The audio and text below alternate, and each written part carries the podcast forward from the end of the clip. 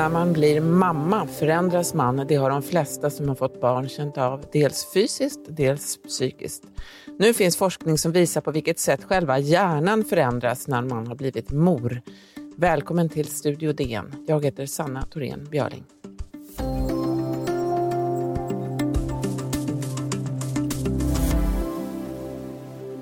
Alla föräldrar har sina upplevelser av hur det är att få barn.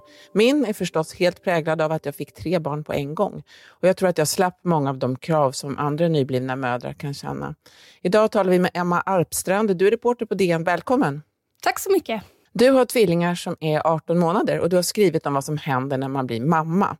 Eh, ett av de skälen till att du skrev den här texten var att du i början av ditt föräldraskap eh, kunde känna dig lite handfallen, skriver du. Eh, vad menar du då? Eh, jo, men jag eh, märkte av att jag ville förändra mitt utseende ganska mycket. Jag ville klippa lugg, vilket jag har gjort flera gånger tidigare i mitt liv och eh, det har aldrig blivit ett lyckat resultat.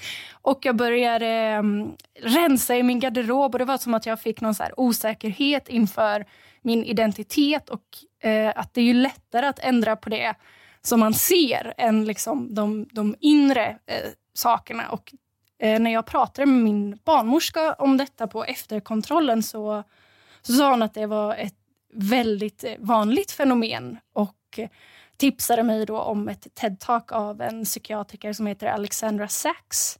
Och jag blev först väldigt förvånad över att jag aldrig hört talas om att det finns liksom en, en period som heter matrescence som är övergången till moderskapet. Verkligen, det har inte jag heller hört talas om. Du är verkligen heller inte ensam om att känna så här som du själv beskriver. Men du har också talat med flera forskare, barnmorskor och mödrar. De vanligaste känslorna, är det det du beskriver, att man eh, börjar hålla på med yttre saker? Eller vad, vilka är de känslor som många får? Eh, jag tror att allting börjar ju inifrån, men att eh, det är ju lättare att eh, ja, men att till exempel färga sitt hår än att ta tag i de, de stora eh, bitarna eh, känslobitarna inne. Liksom. Det är lättare att, eh, att rensa sin garderob än att faktiskt kanske ta tag och sätta fingret på de känslorna som man, som man får. Men det, när jag har pratat med många mödrar så är det att det börjar med ett ifrågasättande inifrån som de inte riktigt har känt tidigare och att det kommer på, liksom, eh, på flera olika sätt. Eh, och att, de, att det är en, en, en känsla av osäkerhet i, sitt, i, sin själva, i, sin, i sin personlighet och i sin identitet. Och att det sen tar uttryck eh, ja, utseendemässigt. En av mammorna som du pratade med, Åsa Elsäter, hon sa så här. Om jag hade dåligt självförtroende när det kommer till eh, arbetsprestation innan till exempel, så är det liksom bara en av 20 punkter där jag ifrågasätter mig själv nu. Det har, liksom, det har expanderat till att liksom smitta av sig på så många olika aspekter av min bild av mig själv. Jag tycker att det är lite intressant det här, för att jag själv, eh, ni pratar, hon pratar också väldigt mycket om i din text eh, om hur hon började förändra, just börja vara upptagen av kroppen och så. Eh, jag kände lite grann tvärtom, att jag tyckte att när jag hade fått barn, men det var väl klart att kroppen förändrades. Det var väl jätteskönt att man inte behövde eh, känna att eh, det var något konstigt. Men eh, jag är tydligen den som är udda här. Eh, att det här ifrågasättandet eh, kommer hos flera. Jag tror att också det kan eh, ha att göra med olika saker. Det, för Åsa så tror jag att det var väldigt mycket kanske utseendet. Och det kan väl jag känna igen mig själv i också. Men när jag tänker och reflekterar över det mer så handlar det ju mer om, om inre saker. Och eh, att man kanske Vissa kanske det tar mer att man, att man känner att man bara får vara mamma, att man saknar kanske den här delen av hjärnan som man använder i sitt jobb. Um, men uh, ja. Det finns ju också neurologiska förklaringar, eh, skriver du om. Hjärnan förändras faktiskt på riktigt enligt de forskare som du har pratat med. Vad, vad är det som händer med, med den grå substansen till exempel? Jo, eh, Erika Barbara Müller som jag pratade med, hon eh, är en forskare tillsammans med ett team som under nio år har studerat vad som händer i hjärnan när man blir gravid. Och Det här är ett, ett ämne som verkligen inte är prioriterat inom forskarvärlden. Um, men eh, de kom då fram till, för de skannade hjärnorna på kvinnor innan de blev gravida, när de var gravida, efteråt och sen två år Eh, eh, efter förlossning och kunde se att det var delar i hjärnan, specifikt den grå massan som är en vävnad i hjärnan där det hade skett att den hade reducerats. Och eh, som Erika förklarade för mig så beror detta på att det är synapser i hjärnan som, som städas bort, o, eh, överflödiga synapser som städas bort. Och det som blir kvar är då att det är mer speci specialiserade synapser som eh, specifikt har att göra med typ inlevelseförmåga och eh, social kognition som gör då att de tror att det har att göra med att att eh, mamman anpassar sig eh, för att kun, lättare kunna läsa av sitt barn. Och Det här sker även i däggdjur, men det är specifikt nödvändigt eh, hos mödrar i vår socialt komplexa värld. Vi ska strax tala mer eh, om eh, hur hjärnan förändras när man blir förälder.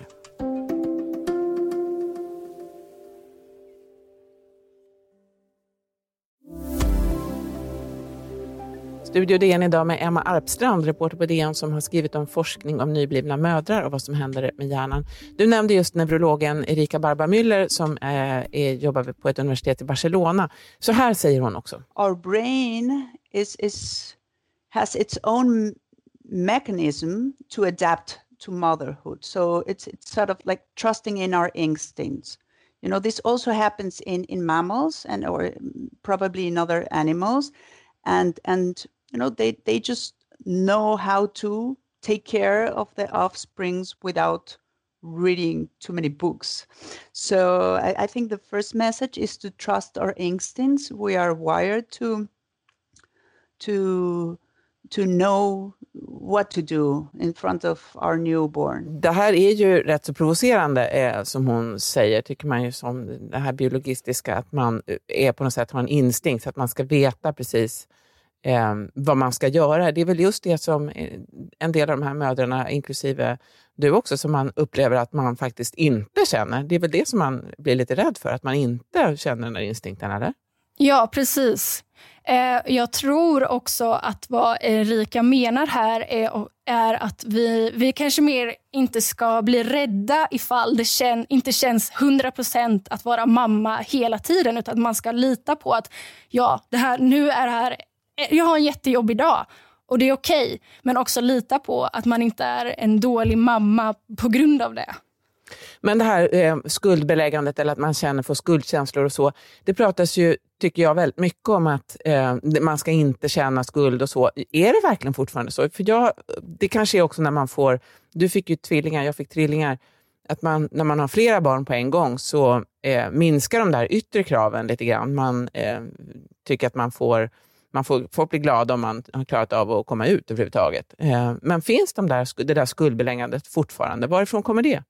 Jag tycker absolut att det finns eh, fortfarande eh, väldigt mycket skuldbeläggande. Och jag vet ju själv när jag intervjuade de här mammorna att de verkligen ville försäkra mig om att de liksom inte ville att andra mammor som läser eller lyssnar på det här skulle känna skuldkänslor och att man får göra precis som man vill specifikt för Klara Söderberg Bas som jag pratade med. Hon valde själv att fortfarande lägga ner mycket tid på sitt utseende för det var viktigt för henne.